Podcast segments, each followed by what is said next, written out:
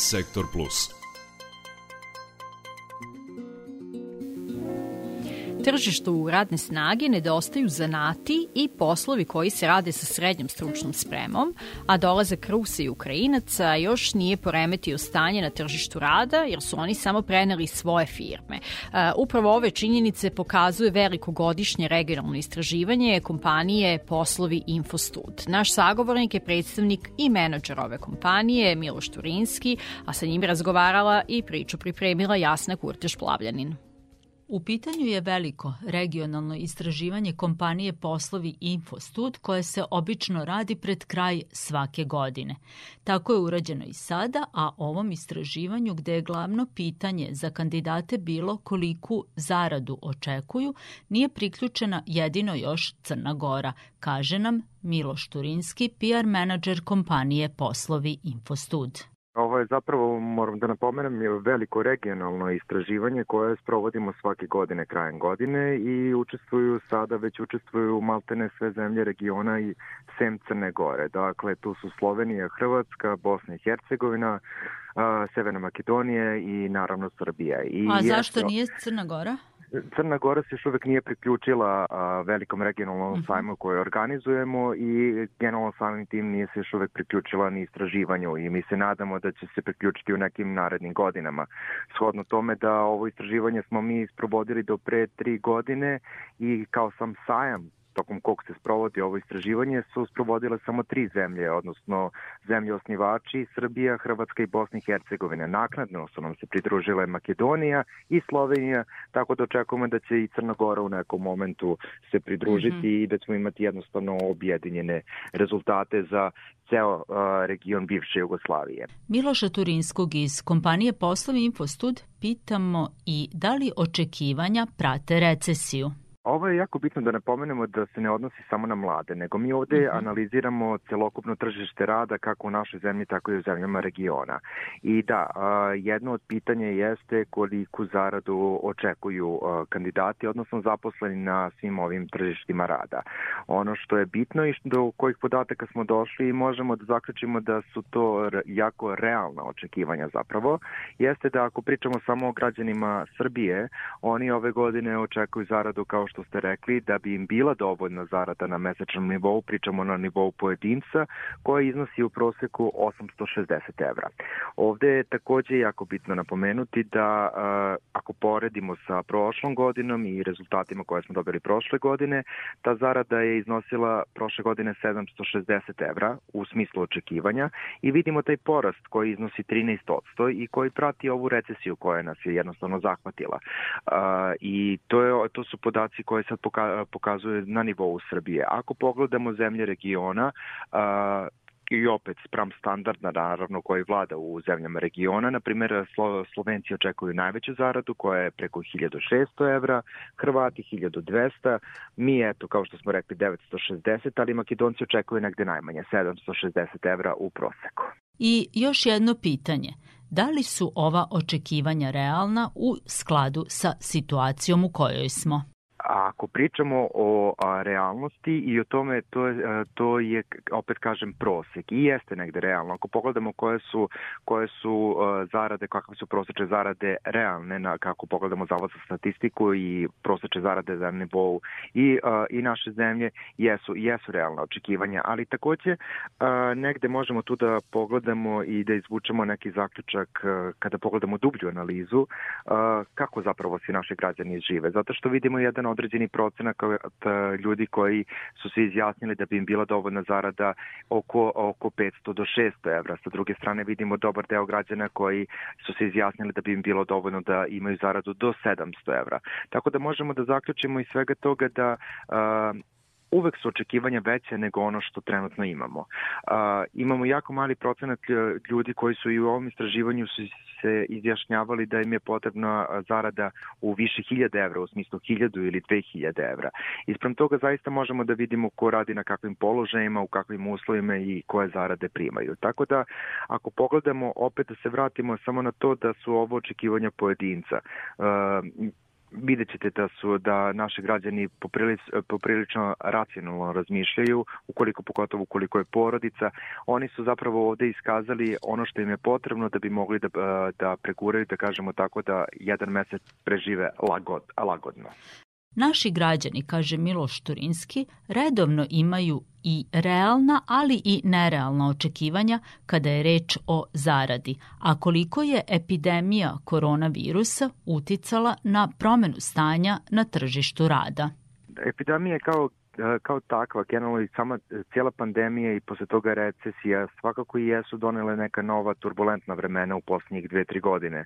Uh, I samim tim i ovaj period jeste uticao i na tržište rada u našoj zemlji, ali kao što ovde možemo da vidimo ako pogledamo i ostale podatke koje smo dobili iz ovog istraživanja, na želje, prohteve i slične stvari i kako je general odnos prema poslu i prema poslodavcu, sa druge strane i odnos poslodavca poslodavaca prema zaposlenih. Međutim, ako pričamo konkretno o pozicijama, oblastima, onome što se zapravo traži u našoj zemlji, mi smo evo sve sad zaključno dolazimo do kraja polako 2022. godine.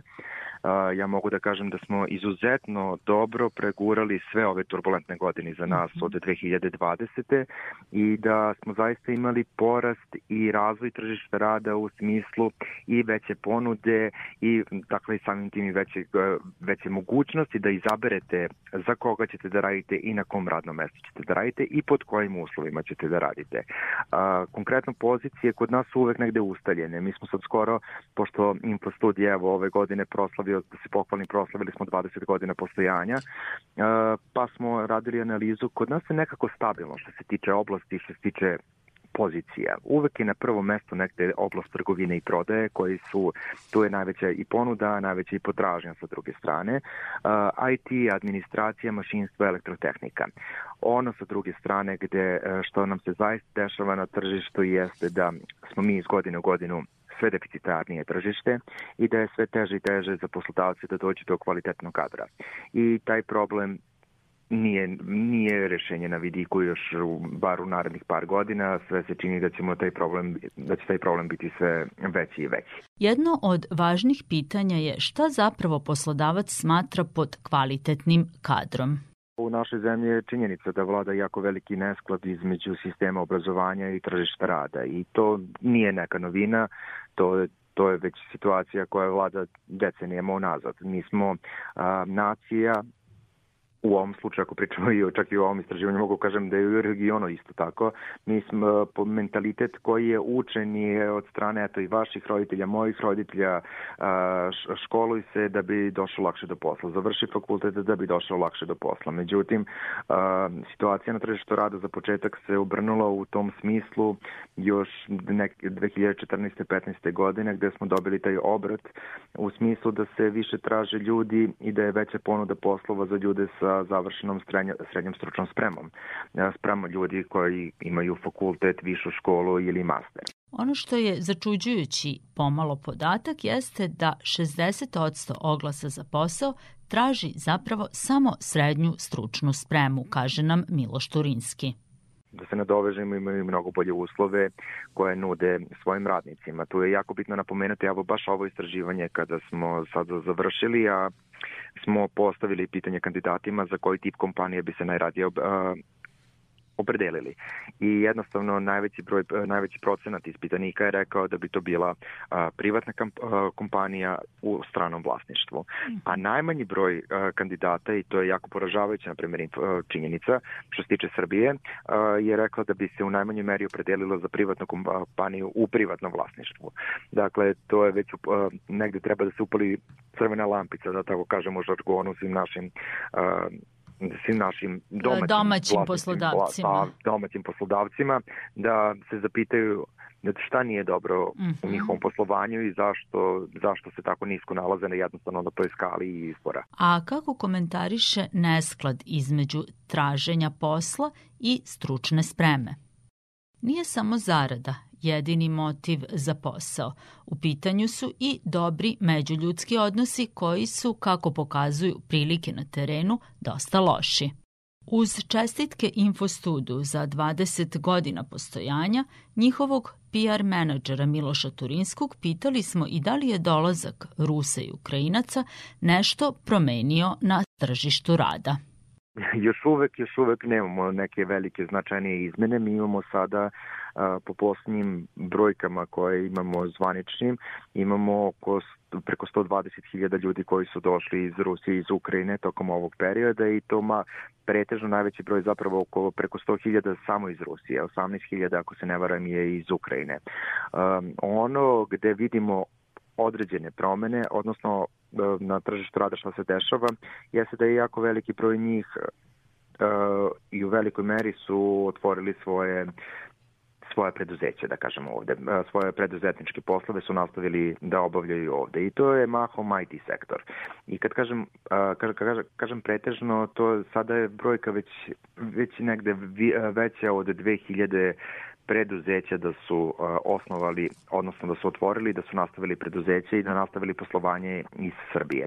No sada to ne menja ništa u, u, u smislu zato što, kažem, to su opet mahom preduzetnici koji su samo otvorili uh, samo otvorili pa, po, nastavili po, da posluju sa svojim starim klijentima mm -hmm. koji su imali mm -hmm. uh, iz Rusije ili iz Ukrajine, ali u jednoj, ali u drugo, sa druge strane uh, gde ćemo videti tek, polako se sada to, dešava, jeste da nam je zaista do, došao jedan značajan broj IT stručnjaka iz obe ove zemlje, um, koji će da popuni sve one nedostatka, bar deo nedostatka koji svakako mi imamo na našem tržištu što se tiče IT sfere. Sami poslodavci iz istraživanja mogu da izvuku pouku, da rade na brendiranju, da sebe predstavljaju kao poželjnog poslodavca i da se pozicioniraju pre svega stvaranjem dobrih međuljudskih odnosa, kažu nam u kompaniji Poslovi Infostud.